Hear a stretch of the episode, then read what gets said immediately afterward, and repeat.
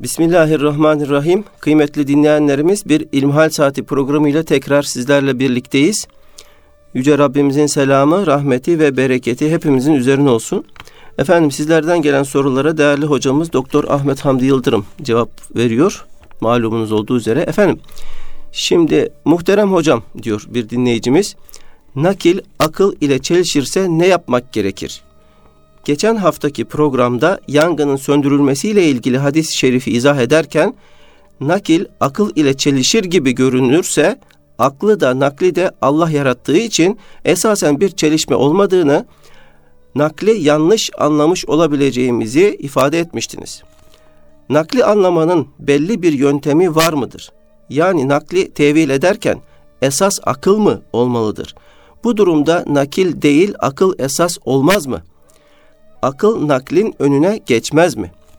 Peygamber Efendimizin sallallahu aleyhi ve sellem miracı ile ilgili nakledilen rivayeti veya buna benzer Kur'an-ı Kerim'de ve hadis kaynaklarında geçen nakilleri akıl ile izah etmek mümkün olmadığında bu nakilleri akla uygun hale mi getirmek için tevil mi etmeliyiz? Akıl dediğimiz şey ile kastedilen nedir? Bedihi bilgiler anlamında akıl mı, tecrübi bilgiler anlamında akıl mı, bilgisel bilgi anlamında akıl mı? Ya da bunların tümü mü? Modern bilim anlayışının dayatması olan determinist bakış, parantez içine almış, zorunlu sebep-sonuç ilişkisi ile nakli anlamaya çalışmak sapmaya yol açmaz mı? Nakli anlama çalışmasının kriterleri var mıdır? Varsa nelerdir? Bu hususları biraz daha detaylı izah edebilir misiniz? Cenabı Allah sizlerden razı olsun diyor efendim. Buyurun. Elhamdülillahi Rabbil Alemin ve salatu ve selamu ala Resulina Muhammedin ve ala alihi ve sahbihi ecmain. Tabi e, öncelikle teşekkür ederiz dinleyenimize. E, dikkatle dinlediği belli. Bu hassasiyeti içinde ayrıca kendilerine tebriklerimizi iletmek isteriz. Şimdi akıl ve nakil veya nakil ve akıl nedir bunlardan kastedilen? Nakil dediğimiz aktarım demek. Cenab-ı Allah'tan Hz. Peygamber aleyhissalatü vesselam Efendimiz'den bize gelen sözlü rivayetler veya rivayetler nakli oluşturmaktadır. Cenab-ı Allah Cebrail aleyhisselam vasıtasıyla bazen vasıtasız Hz. Peygamber aleyhissalatü vesselam Efendimiz'e vahiyde bulunmuş. Bu vahiy nakil olarak değerlendiriliyor. Efendim aleyhissalatü vesselam Efendimiz kendisine gelen vahyi ümmetine aktarmış. Kendisi de o vahyin nasıl uygulanacağını, tatbik edileceğini bizatihi yaşayarak göstermiş. Sahabe efendilerimiz de Hz. Peygamber aleyhissalatü vesselam Efendimizin hem sözlerini hem eylemlerini hem de onamalarını, takrirlerini bize aktarmışlar. Buna da nakil diyoruz. Diğer taraftan Cenab-ı Allah bizlere iyi ile kötüyü ayırt edebilmemiz, zararla yararı birbirinden tefrik edebilmemiz için bir akıl vermiş. Bu akli melekelerle de biz sünnetullah gereği yeryüzünde diğer hayvanlardan temeyyüz ediyoruz. Ma mafi hem aklın hem de vahyin Rabbi Cenab-ı Allah'tır. Bizi yaratan da Cenab-ı Allah'tır. Kainatı, her şeyi yaratan Cenab-ı Allah'tır. Cenab-ı Allah'ın mülkündeyiz. Onun mülkünden bağımsız hiçbir şey söz konusu edilemez. Fakat akıl ve nakil veya akıl ile vahiy ilişkisi nasıl olacak meselesi üzerinde öteden beri alimlerimiz zihinlerini çalıştırmışlar, düşünmüşler, taşınmışlar. Bizlere hulasa bir takım bilgiler sunmuşlar. Öncelikli olarak şunu ifade etmemiz gerekiyor ki Cenab-ı Allah akıl sahiplerine hitap ediyor. Yani az önce şunu ifade etmeye çalıştık. Diğer canlılarla hayvanat ile aramızdaki fark bizim temyiz gücüne sahip olmamız, akli melekelerimizin bulunması, aklımızın olmasıdır. Buna mantıkçılar natıka derler. İnsanı tanımlarken de insan hayvanun natık. Natık yani mantığı olan, nutku olan, efendim idraki olan bir canlı diye tanımlarlar. Mamafi insanoğlunun içerisinde akli melekelerini doğuştan yitirmiş olanlar olabileceği gibi sonradan yitirmiş olanlar da bulunurlar. Bunlar da insandırlar. Yani bunlar akledemiyorlar diye insan olma vasfını kaybetmezler. Niye? Çünkü bir anadan babadan meydana gelmişlerdir. İnsanoğlu içerisindedir. Ama Kur'an'a muhatap olan veya Allah'ın emir ve yasaklarına muhatap olan insan akıl sahibi olan insandır. Dolayısıyla aklı olmayanları açık ifadesiyle delileri şeriatımız, dinimiz, efendim kitabımız muhatap almaz. Niye? Bunlar çünkü idrak edebilecek düzeyde değillerdir. Kur'an-ı Kerim akletmezler mi, akletmez misiniz? Efendim tefekkür etmez misiniz, tedebbür etmez misiniz diye akletmeye, akli melekeleri kullanmaya atıflarda bulunur. Açıkça Kur'an'ın akla hitap ettiğini buradan anlıyoruz. Binaenaleyh aklı olmayan kimsenin iman yükümlülüğü yoktur. Bu yönüyle akıl mükellefiyetin, mükellef olmanın, sorumlu olmanın, din ile muhatap olmanın ilk şartı olarak karşımıza çıkıyor. Ondan sonra bülü çağına ermek, bülü çağına ermek de efendim akli melekelerin kemale ermesi ne alamet olduğu için bir şart olarak aranmaktadır. Bu yönüyle baktığınızda akıl yegane şart olarak karşımıza çıkıyor. Akıl varsa naklin bir manası var. Nakille muhatapsınız. Ve illa öyle değilse o zaman siz vahiy ile muhatap değilsiniz. Buradan şu anlaşılmamalı, anlaşılmaz da öncelik aklındır. Hayır. Öncelik Cenab-ı Allah'ın bize bildirmesidir. Fakat Cenab-ı Allah'ın bildirdiğini idrak edebilme aleti elimizdeki akıldır. Binaenaleyh eğer akıl yoksa Cenab-ı Allah'ın büyüklüğünü, yüceliğini, kudretini, kuvvetini, azametini, şanını idrak edebilmekten yoksunuz. Nitekim akıl hastanelere ne gittiğinizde orada kendini Allah zanneden deliler de vardır, peygamber zanneden vardır, efendim tarihteki büyük hükümdarlar zannedenler vardır. Bunlara biz abdi acizler olarak bakarız. Merhamete muhtaç insanlar olarak bakarız. İbret almaya gayret ederiz. He, bu dünyada böyledir. Öbür tarafta kimin akıllı, kimin deli olduğu farklı bir sahnede karşımıza çıkacak. Yeri gelmişken şunu da ifade edeyim. Yani bugün bu dünyada Cenab-ı Allah eğer birilerine göreceli olarak bir takım imtihanlar vermişse dezavantajlı gruba giriyorlarsa onlar kıyamette bu dezavantajlı olmanın avantajını yaşayacaklardır.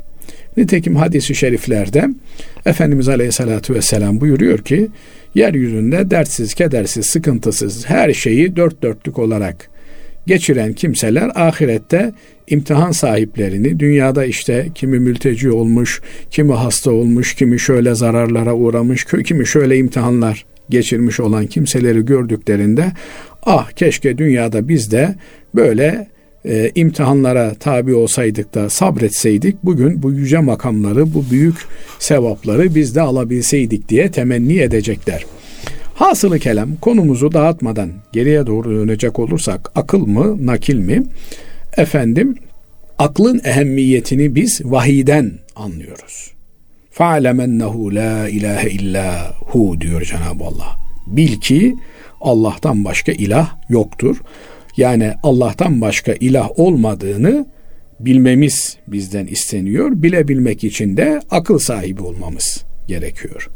Elbette aklın ehemmiyetini de vahiyden öğrendiğimiz için burada vahiy mutlak olarak önceliklidir. Çünkü vahiy direkt Cenab-ı Allah'ın bize hitabı anlamına geldiği için de öncelikli olmak durumundadır. Peki nedir akıldan kastımız? Nedir nakilden, vahiden kastımız? Öncelikle şunu da yeri gelmişken ifade edelim ki vahyin Allah'tan geldiğinin sabit olması Peygamber aleyhissalatü vesselam Efendimizle ilgili olan meselelerde de rivayetin, naklin Peygamber aleyhissalatü vesselam Efendimiz'den geldiğinin sahih olması gerekir. Bu yönüyle Cenab-ı Allah'tan gelen Kur'an-ı Kerim'in en ufak bir harfinde bile bir şüphemiz, bir tereddütümüz asla söz konusu değildir. Cenab-ı Allah Kur'an-ı Kerim'i Hz. Peygamber aleyhissalatü vesselam Efendimiz'e indirmiş, o da ümmetine tebliğ etmiştir. Cenab-ı Allah'tan geldiği gibi elimizde Kur'an-ı Kerim mevcuttur. Dolayısıyla Kur'an-ı Kerim'in şurasında, burasında şu şöyledir, bu böyledir diye Kur'an'ın Allah'a ait oluşunun üzerinde şüpheye mahal asla ve asla söz konusu edilemez. Kur'an-ı Kerim Cenab-ı Allah'tan indiği gibi Efendimiz Aleyhisselatü Vesselam'a gönderildiği gibi bugün elimizde mevcuttur. Buna biz mütevatiri kat'i diyoruz. Yani Allah'tan geldiği kat'i olarak bilinen tevatüre dayalı bir nakil elimizde söz konusu. Hz. Peygamber aleyhissalatü vesselam Efendimizin hadislerinin çok az bir kısmı bize mütevatiri kat'i olarak gelmiştir.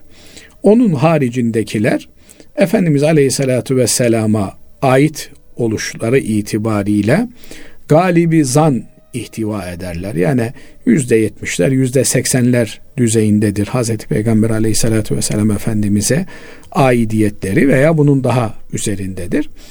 Bunun dışında bir takım zayıf rivayetler de vardır. Hatta mevzu rivayetler yani bazılarının Hazreti Peygamber aleyhissalatü vesselam Efendimizin adını kullanarak uydurdukları rivayetler de söz konusudur. Alimlerimiz bunların üzerinde çok detaylı bir şekilde efendim çalışmışlardır. Şimdi kardeşimizin sorusuna baktığımızda diyor ki yani akıl dediğimiz nedir?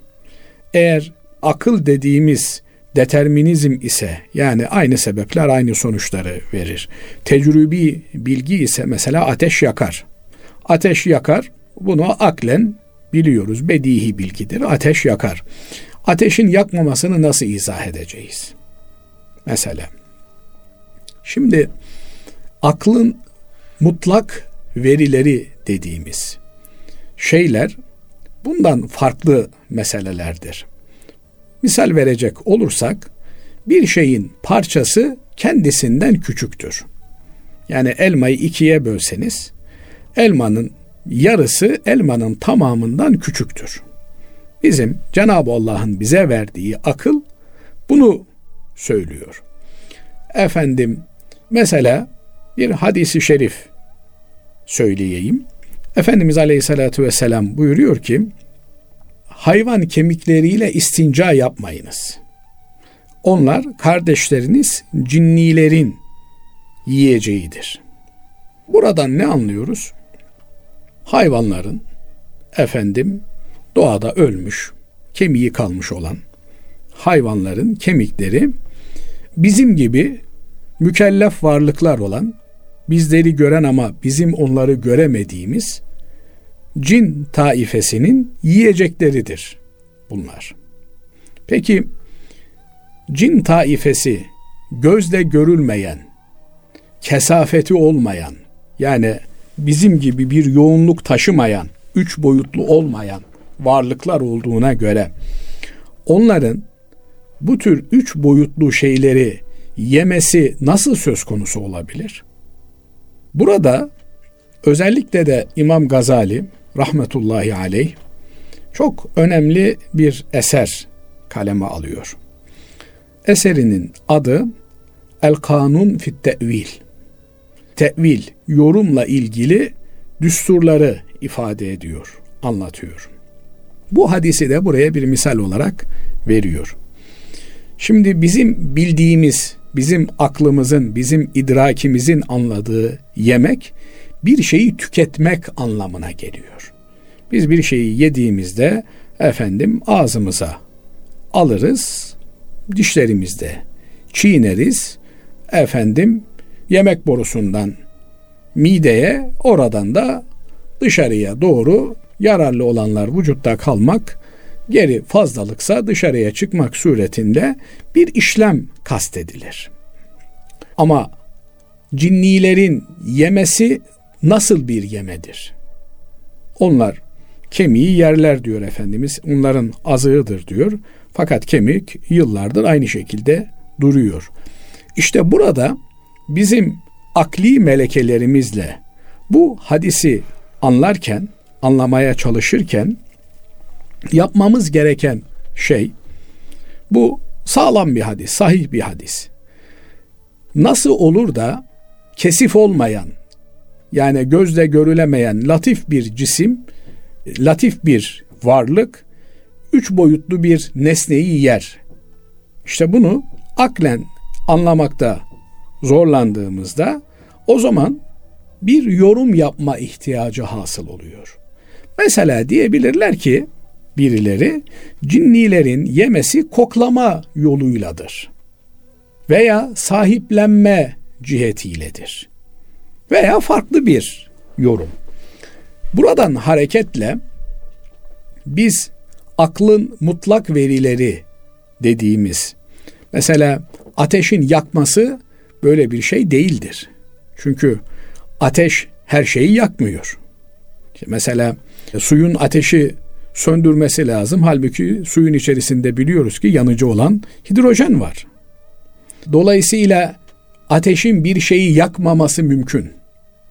Yani ateş her zaman yakıcıdır anlamına bir akli veri ortaya koymuyoruz.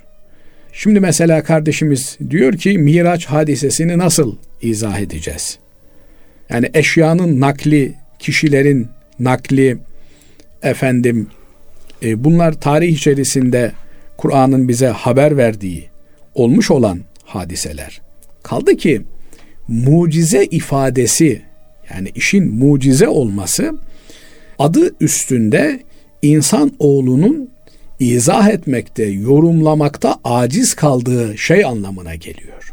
Yani muciz demek aciz bırakan demek. Eğer bir şeyi ben aklen izah edebiliyorsam o mucize olmaktan çıkmıştır. Şimdi haklı olarak kardeşimiz diyecek ki bu bir çelişki değil mi? Yani peygamberin peygamberliğini tasdik edebilmek için onun bir mucize getirmesini bekliyorum. Ondan sonra getirdiği mucizeyi de aklen efendim idrak etmem, anlamam gerekiyor. Fakat şunu da göz ardı etmemek gerekiyor. Musa Aleyhisselam'ın sihirbazları var. Yani düello ettiği, musabaka ettiği veya karşı karşıya geldiği sihirbazlar var. Sihirbazlar bir sihir yapıyorlar. Musa Aleyhisselam'a Cenab-ı Allah elindeki asasını atmasını emrediyor. Asa meydana düştüğünde o sihirbazların bir göz boyama olarak ortaya saçmış oldukları yılanlar, çıyanlar Musa Aleyhisselam'ın asası tarafından yenilip yutuluyor. Şimdi burada sihirbazlar bunu kendi bilgileriyle, kendi akıllarıyla idrak edemedikleri için kabul ediyorlar. Akıl gördüğünü kabul etmek zorundadır. Ortada bir hadise görüyorsunuz. Bu hadiseyi kabul etmeniz aklın size dayattığı bir şeydir. Gördüğünüz halde kabul etmezseniz, inkar ederseniz o zaman inat etmiş olursunuz. Binaenaleyh peygamberlerin mucizeleri bir kere kabul edildikten sonra artık onun her şeyi sadık olarak yaptığını kabul edersiniz. Nitekim Hz. Peygamber aleyhissalatü vesselam Efendimizin peygamberliğini kabul etmiş olan Ebu Bekir Efendimiz ki Hz. Peygamber aleyhissalatü vesselam Efendimizin peygamberliğini Ebu Bekir Efendimizin işte Hazreti Hatice annemizin ve ilk Müslümanların kabul edişi ondan gördükleri harikulade olağanüstü şeyler üzerine değil aksine Hazreti Peygamber aleyhissalatü vesselam Efendimizin en büyük mucizesi olan onun özü sözü bir yalan söylemeyi hayatında hiç tecrübe etmemiş bir şahsiyet oluşuydu.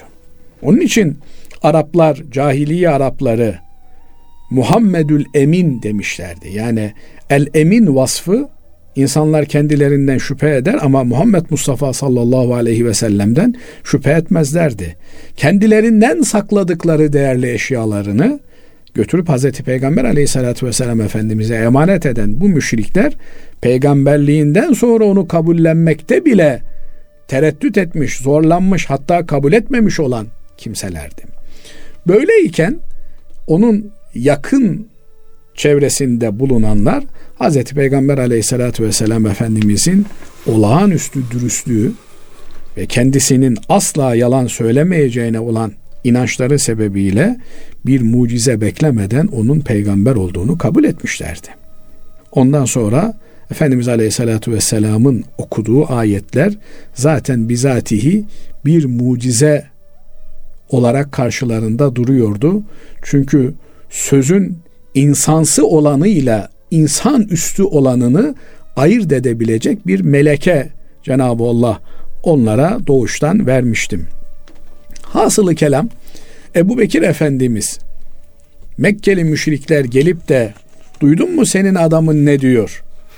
Bu gece Mekke'den Kudüs'e gitmiş oradan da yedi kat semavata çıkmış diye Hazreti Ebu Bekir Efendimiz'e gelip de onun artık bunu kabullenmeyeceğini düşünerek ona bu haberi verdiklerinde çok ilginç bir cevap alıyorlar. Onun üzerine zaten Ebu Bekir Efendimiz Ebu Bekir Sıddık oluyor. Nedir o? Siz ne diyorsunuz diyor. Mekke'den Kudüs'e gitmesi mi problem? Ben ondan daha büyük sözlerine iman etmişim. Cenab-ı Allah'tan her gün vahiy aldığına iman etmişim. Böyle olunca yani bir kez tasdik edince artık ondan sonra siz Hz. Peygamber aleyhissalatu vesselam Efendimiz'den gelen meseleleri kabullenmek durumundasınız. Cenab-ı Allah'ın indirmiş olduğu ayetleri kabullenmek durumundasınız. Peki kabullenirken aklımın almadığı meseleleri nasıl anlamlandıracağım? İşte burada mesele Hazreti Peygamber aleyhissalatü vesselam Efendimiz'e sözün ait olduğunu bir defa tespit ettikten sonra bizim akli melekelerimizle ilgili duruma geliyor. Bununla ilgili de işte Gazali az önce sözünü ettiğimiz eserde bir takım kurallar ortaya koyuyor. Birincisi diyor ki bir insan her şeyi bilemeyeceğini bilecek diyor. Yani ben bunu aklen anlayamadım ama peygamberim böyle söylemiş başım gözüm üstüne diyecek. Bu önemli. Çok önemli bir nokta bu. Zaman zaman sözüm ona İslamcı yazar çizer olduklarını söyleyen kimseler, kadını var, erkeği var. Efendim benim peygamberim böyle bir şey söylemez. Niye efendim? Senin peygamberin bir şey söylemek için senden onay mı alacak? Bu nasıl bir anlayış? Bu nasıl bir edepsizlik? Ha, Peygamber aleyhissalatü vesselam Efendimiz böyle bir şeyi söylemişse başım gözüm üstünde ama ben anlayamadım. Bunu bir problem olarak bir kenarda tutarım. Anlayanlara sorma gayreti içerisine girerim. Birinci kural bu. Her şeyi anlayamayacağımızı, bilemeyeceğimizi bilmemiz gerekiyor. Nitekim sahabe efendilerimiz birbirlerine sormuşlar. Nitekim Hz. Peygamber aleyhissalatu vesselam Efendimiz kendisine soru sormaya gelenlerle ilgili bu konuda ben başka bir şey bilmiyorum demiş ve susmuş. Neyi beklemiş? Vahiy gelmesini beklemiş. Kur'an-ı Kerim'de Mücadele suresinin ilk ayetleri böyle bir olayı anlatır. قَدْ سَمِعَ اللّٰهُ قَوْلَ الَّتِي تُجَادِلُكَ ف۪ي زَوْجِهَا Allah kocasıyla ilgili seninle mücadele eden kadının sesini duydu diyor Cenab-ı Allah. Yani bir kadıncağız düşün. Hazreti Peygamber aleyhissalatü vesselam Efendimiz'e ailevi bir meselede müracaat ediyor. Kocasıyla arasındaki problemi dile getiriyor. Hazreti Peygamber Efendimiz diyor ki bu hususta diyor sana verebileceğim başka bir cevap yok diyor. Ve duruyor Hazreti Peygamber Efendimiz. İşte bu noktada Cenab-ı Allah ayetleri indiriyor. Yani binaenaleyh peygamber aleyhissalatu vesselam Efendimiz bize bunu öğretiyor. Bilmiyorsan ve la takfu ma leyse leke bihi ilim bilmediğin hususta dur diyor. Yani kardeşim ben bunu nasıl anlamam? Ben anlamadımsa kimse anlayamaz. Ben anlayamadığıma göre peygamber bunu söylememiştir türünden bir abuk sabukluk içerisine girmesi bir Müslümanın yakışık alır bir şey değil. Bu bir. İkincisi ben anlamaya gayret ederim. Anlamaya gayretim de efendim aklın verileri Arapça Efendimiz Aleyhisselatü Vesselam konuştuğu için veya Kur'an-ı Kerim Arapça geldiği için Arap dilinin genel geçer kuralları çerçevesinde olur. Mesela Efendimiz Aleyhisselatü Vesselam diyor ki kıyamet günü diyor ölüm bir koç olarak getirilir ve diyor kesilir diyor kurban edilir. Yani şimdi ölüm dediğiniz mücerret bir şey. Bu müşahhas bir misalle anlatılıyor. Yine mesela Efendimiz Aleyhisselatü Vesselam amelleri gelir diyor, terazinin bir kefesine konur diyor. Amel, eylem nasıl tartılır? Yani tartılabilen bir şey değil ki. Söz nasıl tartılır? Dolayısıyla bizim akılla idrak edemediğimiz şeyleri, bu tür ifadeleri o zaman mecazi olması ihtimali üzerinden hareketle anlamlandırmaya çalışacağız. Anlamlandırmaya çalışırken de bu benim ulaşabildiğim neticedir. Doğru da olabilir, yanlış da olabilir. Bu budur diye ben kesin bir şey söylemiyorum demek durumundayız. Binaenaleyh bu kurallar çerçevesinde nakli anlamaya gayret edeceğiz. Bu konuyla ilgili daha söylenecek çok şeyler muhakkak vardır. Ama e, üç cümleyle özetleyecek olursak şunu net bir ifadeyle söyleyelim. Bizim için vahiy her şeyden öncedir. İki, vahyi anlayabilme aleti akıldır. Akılsız vahyi anlayamayız. Aklı olmayanın vahiy ile işi yoktur. Üç, ulaştığımız sonuçlar, anlamlandırma gayretleri bizim kişisel çabalarımız ve düşüncelerimiz olur. Bu böyledir diye bir dayatmanın içerisine girmemiz doğru olmaz. Evet hocam Allah razı olsun. Böyle e, önemli e, biraz da çetrefilli bir mevzuyu izah etmiş oldunuz. Efendim e, şimdi kısa bir aradan İzah sonra... etmeye gayret ettik inşallah. Evet inşallah. Efendim şimdi kısa bir araya gidiyoruz. Aradan sonra inşallah tekrar birlikte olacağız. Huzur bulacağınız ve huzurla dinleyeceğiniz bir frekans. Erkam Radyo, Kalbin Sesi. Kıymetli dinleyenlerimiz İmrihal Saati programımıza kaldığımız yerden devam ediyoruz. Muhterem hocam dinleyicimiz şöyle bize yazmış. Esselamu Aleyküm. Hocam bir kardeşimiz yeni sohbete katıldı. Kendisi meslek lisesinde resim öğretmeni. Çok huzursuz olduğundan bahsetti. İnsan resmi çizmenin hükmü nedir? Dua ve tavsiyelerinizi bekliyor diyor. Evet resim meselesi Hazreti Peygamber aleyhissalatü vesselam Efendimizin hadislerinde üzerinde önemli durduğu meselelerden bir tanesi tasvir, suret vermek, efendim suret giydirmek, Cenab-ı Allah'ın e, Esma-ül Hüsna'da geçen El Musavvir, suret veren odur anlamına gelen isimlerinden bir tanesi. Efendimiz Aleyhisselatü Vesselam tasvir yapanın lanetlik bir iş yaptığını haber vermekte. Tasvir yapmayı, resim çizmeyi efendim büyük günahlardan alimlerimiz saymışlar. Hatta Efendimiz Aleyhisselatü Vesselam üç çeşit e, günahı işleyenin kıyamet gününde çetin bir azab ile karşılaşacağını ifade ediyor. Bunlardan bir tanesi de suret yapanlar. Hadi yaptığınız surete can verin diye efendim kendilerine azap edileceğini yalan rüya anlatanların ve intihar edenlerin kendilerine azap edileceğini bir hadis-i şerifinde bize beyan ediyor. Dolayısıyla e, alimlerimiz bu suret yapmaktan maksadın ne olduğuyla ilgili Efendimiz Aleyhisselatü Vesselam'ın bu yasaklayıcı hadisleri üzerinde fikir yürütmüşler, iştihatta bulunmuşlar. Acaba suret denilen şey üç boyutlu bir çizim midir?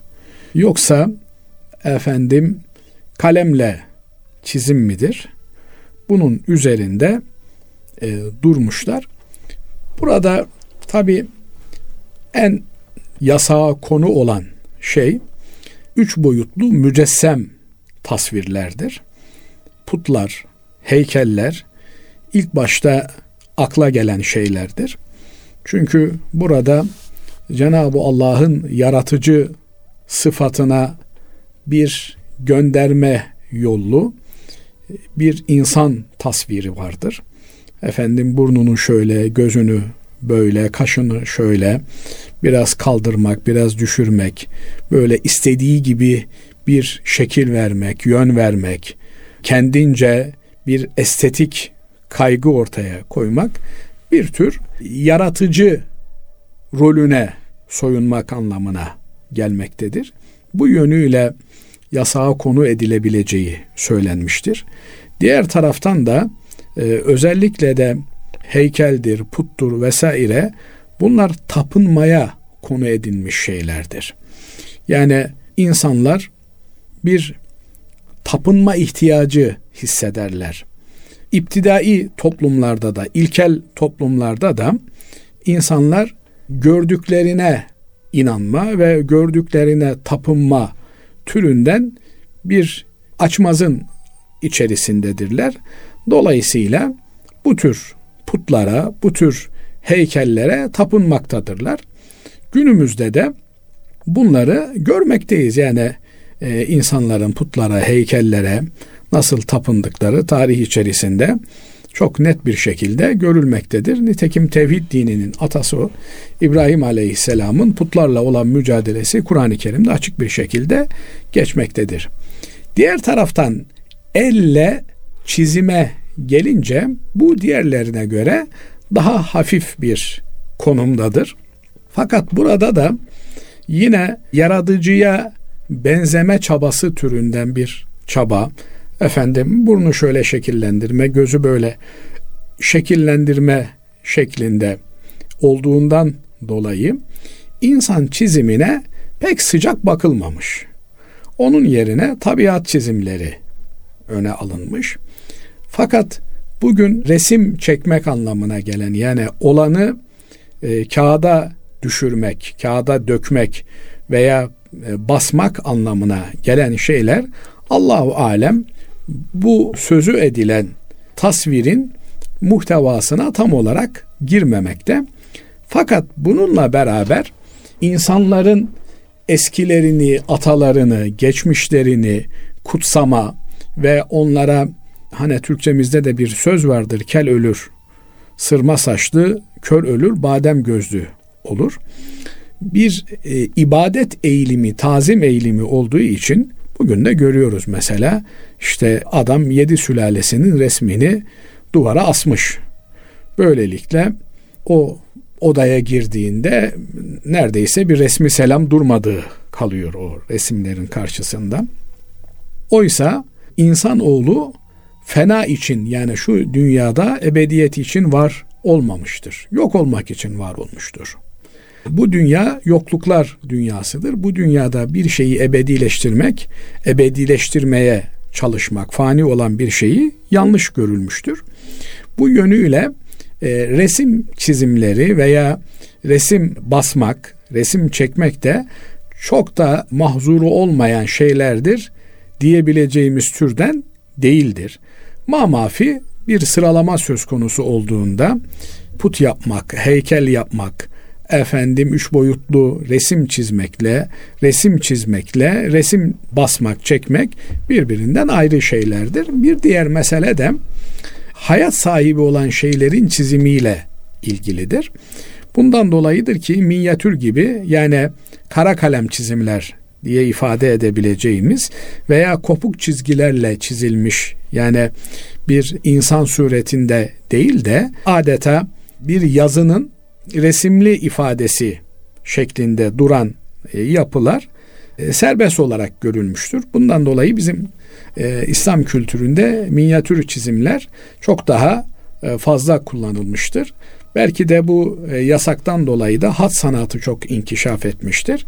Dolayısıyla bizim böyle resme kabiliyeti olan kardeşlerimizi illa insan çizmek suretiyle değil de farklı şeyleri çizmek, tasvir etmek, belki daha bilimsel çizimlere yönelmek, belki de çizgi romanlar üzerinde yoğunlaşmak ki bugün çocuklara eğitimde kullanabileceğimiz en önemli materyallerden bir tanesi bu tür çizgi romanlardır veya çizimlerdir. Bugün e, yine e, çocukları en fazla meşgul eden, gençleri en fazla meşgul eden şey e, bilgisayar oyunlarıdır. Bu alanda yapıcı olan, eğitici olan gençlerimizi daha düşüncelerini kullanmaya yönlendirebilecek olan e, oyunlar teşvik edilecek oyunlardır. Bunlara yönelik çizimler üzerinde bu kardeşlerimiz yoğunlaşabilir. E, böylelikle daha faydalı şeyler yapmış olurlar. Bazı şeyler şirki yani Allah'a ortak koşmayı aralayan şeyler olarak görüldüğü için bunlarla ilgili çok ağır bir, şiddet bir tablo söz konusudur. Bunun hikmetleri farklı farklı görülebilmektedir. Vamafi bize düşen nokta yasak alana yaklaşmamaktır. Yani mayınlı bölgelere yaklaşmadan hayatımızı sürdürebilmeye gayret etmemiz gerekiyor. Efendim bu kesin yasak mı, kesin haram mı? İşte mayınlı bölgede dolaşma. Nitekim Efendimiz Aleyhisselatü Vesselam'ın bu hususta ana ilkeleri veren hadisi şerifi haram bellidir, helal bellidir. Aralarında şüpheli şeyler yani harama da benzer, helale de benzer şeyler var. Dinini ve namusunu korumak isteyen bu tür şeylerden uzak dursun buyuruyor. Bunlar da bu tür e, şeylerin içerisine giriyor. Ama eğer eğitici bir maksada yönelikse veya çocukları eğlendirici bir maksada yönelikse buna da ruhsat verildiğini ifade etmek isterim.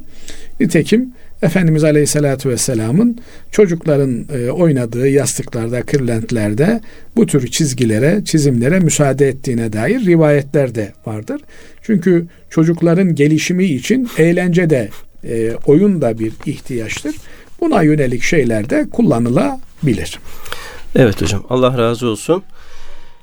Efendim şimdi e, yurt dışından Almanya'dan bize e, gönderilen bir soru var.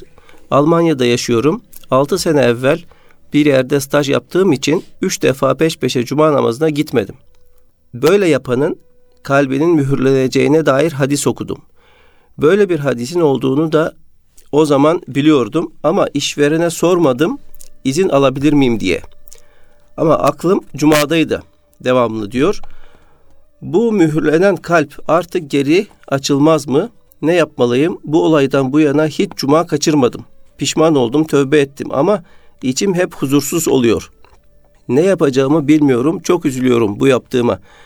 Bu mühürlemede Müslüman hayır yapamaz olur diye okudum.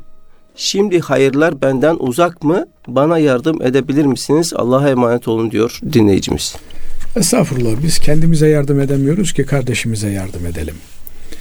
Fakat bu tür ifadeler yani üç defa ifadesi bir şeyin artık kazara olmaktan çıktığı bir adet haline geldiği, süreklilik arz ettiği anlamına daha çok kullanılıyor. Dolayısıyla yani cuma kılmamayı adet haline getiren bir kimse ki bir Müslüman cumayı kılmamak gibi bir ifadeyi kullanamaz. Ha ne olur? Efendim bu cuma yolculuktaydım, seferiydim. Seferi olması hasebiyle bir insan cumayı kılamamıştır. Çünkü sefer şartlarında, yolculuk şartlarında eskisi gibi değilse de bugün yine de otobanda gittiğinizi düşünün. Cuma saati otobana denk geldi. Nerede duracaksınız? Kolay olmuyor veya yurt dışında yolculuk yapıyorsunuz. Her yer memleketimiz gibi değil elhamdülillah.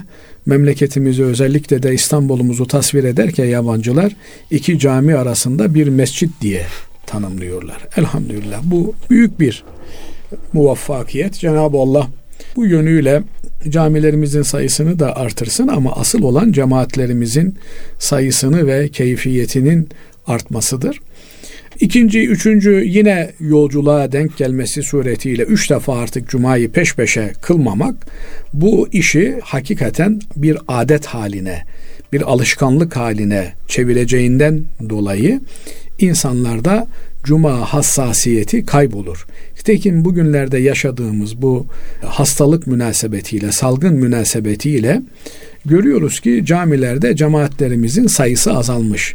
Kimi haklı, kimi haksız gerekçelerle efendim bir defa camiye gelmemeye alışan bir kimse ondan sonra tekrar cami alışkanlığını kazanması kolay olmuyor. Nitekim işte filan meşrepte bir zata demişler ki ya 40 gün namaz kılsan bak namazın tadını alırsın bir daha namazı bırakamazsın. O zat da demiş ki kolaysa kardeşim demiş 40 gün sen namaz kılma da ondan sonra bir daha namaz kılabiliyor musun? Bakalım demiş. Buradan anlaşılıyor ki insanlar bir şeyi adet haline getirdiklerinde onu tekrar tekrar yapmaları kolaylaşıyor ama bir şeyi de artık bıraktıklarında o mesele onlar için tekrar başlaması güç hale geliyor. Dolayısıyla üç defa Cuma'yı sebepsiz, mazeretsiz yere e, terk etmekten kasıt Cuma'yı kılmayı hafife almak anlamına gelir. Bu kardeşimiz böyle bir hata yapmış stajında. Stajın önemli olduğu kanaati onda cereyan etmiş. Halbuki bizim için en önemli mesele Allah'a kulluktur. Allah'a kulluğun dışında hiçbir meselenin bizim için bir ehemmiyeti yoktur. Hiçbir mesele ölüm kalım meselesi değildir. O olmaz başkası olur. Orada staj olmaz başka yerde staj olur. Efendim o meslek olmaz başka bir meslek olabilir. Bunlar çok da büyütülecek şeyler değildir. Ama Allah'a kulluğumuz yeryüzündeki varlığımızın sebebidir. Sadece biz birey olarak, bir fert olarak değil, bütün bir varlık alemi olarak varlığımızın sebebi Allah'a kul olmamızdır. Hasılı kelam bu kardeşimiz böyle bir hata işlemiş. Onun tövbesini, istiğfarını yapacak. Bir daha böyle bir hataya düşmemeye efendim karar verecek, kast edecek, cezmedecek. Bu yaptığı hatanın affı içinde özel tasaddukta bulunur. Ama ben üç defa Cuma'ya gitmedim artık kalbim mühürlendi. Bundan sonra benden bir hayır sadır olmaz. Ben bir hayır işleyemem. Benim tövben kabul olmaz diye cahilane bir tutum içerisine de girmeyecek. Cenab-ı Allah son nefesimize kadar tövbemizi kabul eder. Fakat tövbenin tövbe gibi olması gerekir. Yani Cenab-ı Allah'a tam bir yönelişle yönelmemiz gerekir. Daha doğrusu günahları bir fırsata çevirmemiz gerekir. Basri Hocam. İnsan dediğimiz hatasız olmaz. Hepimiz hata işleriz. Hataları fırsata çevirmemiz lazım. Normal yürürken bir hata işlediniz. Efendim yarım saat oyalandınız. Ondan sonra ne yaparsınız? Mesafeyi kapatabilmek için daha hızlı hareket edersiniz. Böylelikle de normalde hiç duraksamadan bir saatte gideceğiniz yere 5 dakika duraksadınız. Aradaki zaman kaybını telafi etmek için hızlandınız. 50 dakikaya düşürdünüz. Ne oldu? Dezavantajı avantaja çevirmiş oldunuz. Günahları da böyle görmek lazım. Yanlışları da böyle görmek lazım. Hataları da böyle görmek lazım. İnsan hatasız olmaz kul günahsız olmaz.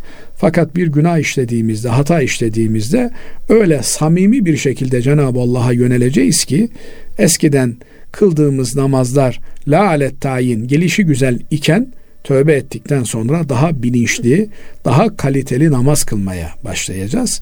Şimdi eğitimcilerin söylediği bir şey var. Çocuklarınızla vakit geçirirken kaliteli vakit geçirin diye. Yani iş olsun diye çocukla beraber olmak işte onunla oynuyormuş gibi yapmak değil.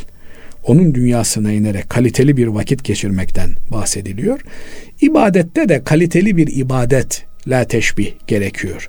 Yani namazda bedenen bulunmak değil, ruhen bulunabilmek, aklen bulunabilmek, ön hazırlığıyla beraber bulunabilmek, sonrasıyla beraber bulunabilmek. Onlar namazlarında daimidirler. Ayeti kerimesini öyle izah ediyorlar. Yani hayatı namaz kıvamında yaşarlar. Nedir namaz? Namaz Allah'la beraber olduğumuz müstesna anlardır. Bütün hayatı böyle müstesna anlara çevirmek lazım. Binaenaleyh bu kardeşimiz hayatında üç cuma peş peşe kılamamış mı? Bundan sonra cuma geldiğinde Cuma onun için farklı bir gün haline dönüşmeli. Hakikaten cuma ezanından bir saat önce, iki saat önce güzel bir gusül almalı, abdestini almalı. Efendim camiye en erken gitmeye gayret etmeli. Oturmalı, rahlesine e, Musaf-ı Şerif'i koyup Kehf suresini okumalı. Sohbet varsa sohbeti sanki ona hayatı boyunca en lazım olacak bilgileri hoca efendi veriyormuş gibi dikkatli dinlemeli. Bakın artık sohbet dinleme kültürümüz bitti Basri Hocam. Yani kimse camide hoca efendi usulen çıkmış kürsüden vaaz ediyor. Garibanım orada nefes çatlatıyor. Kimsenin hocayı dinlediği yok. Hatta bazıları ya hoca çok uzattın artık yeter artık. Kimisi camiden kapıdan içeriye girmez hocayı dinlememek için. Bunlar nasipsizlik alametleri. Bir insan çok alim olabilir. Yalamış, yutmuş, 104 kitabı ezberlemiş olabilir. Ama Cenab-ı Allah kim bilir sana neyi ulaştırmayı murad etmiştir? Sen o hoca efendiyi Allah'ın kelamını bana anlatıyor niyetiyle dinle. Hz. Peygamber aleyhissalatü vesselam Efendimizin sözlerini bana naklediyor niyetiyle dinle. Dinle ve istifade etmek için dinle. Dolayısıyla Cuma'yı hakikaten farklı bir güne çevirmemiz lazım. Tabi hala cuma memleketimizde kanayan bir yaramızdır. Yani cuma ibadet günü olması gerekirken en azından cuma saati öncesi ve sonrası ile hala birçok kardeşimiz kaçak göçek işte patronundan izin alacak, amirinden izin alacak. Ancak o şekilde cumaya gidebilecek durumdadır.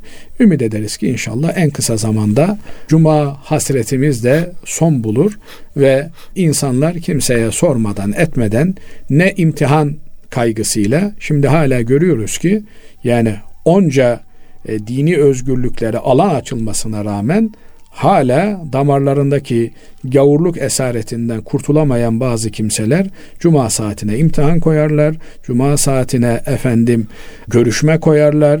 İnsanların bam tellerine basmak ve onların dindarlıklarını adeta sınamak ve ölçmek isterler. Bazı gafiller kendini firavun zannedenler acaba Allah'ı mı önceleyecek yoksa işi mi önceleyecek diye iş görüşmesini inadına inadına cuma saatine koymaya çalışan nadanlar, cahiller, bedbahlar bulunabilmekte. Ümit ediyoruz bu vesileyle de inşallah cuma e, özgürlüğüne de bütün ümmeti Muhammed olarak kavuşuruz.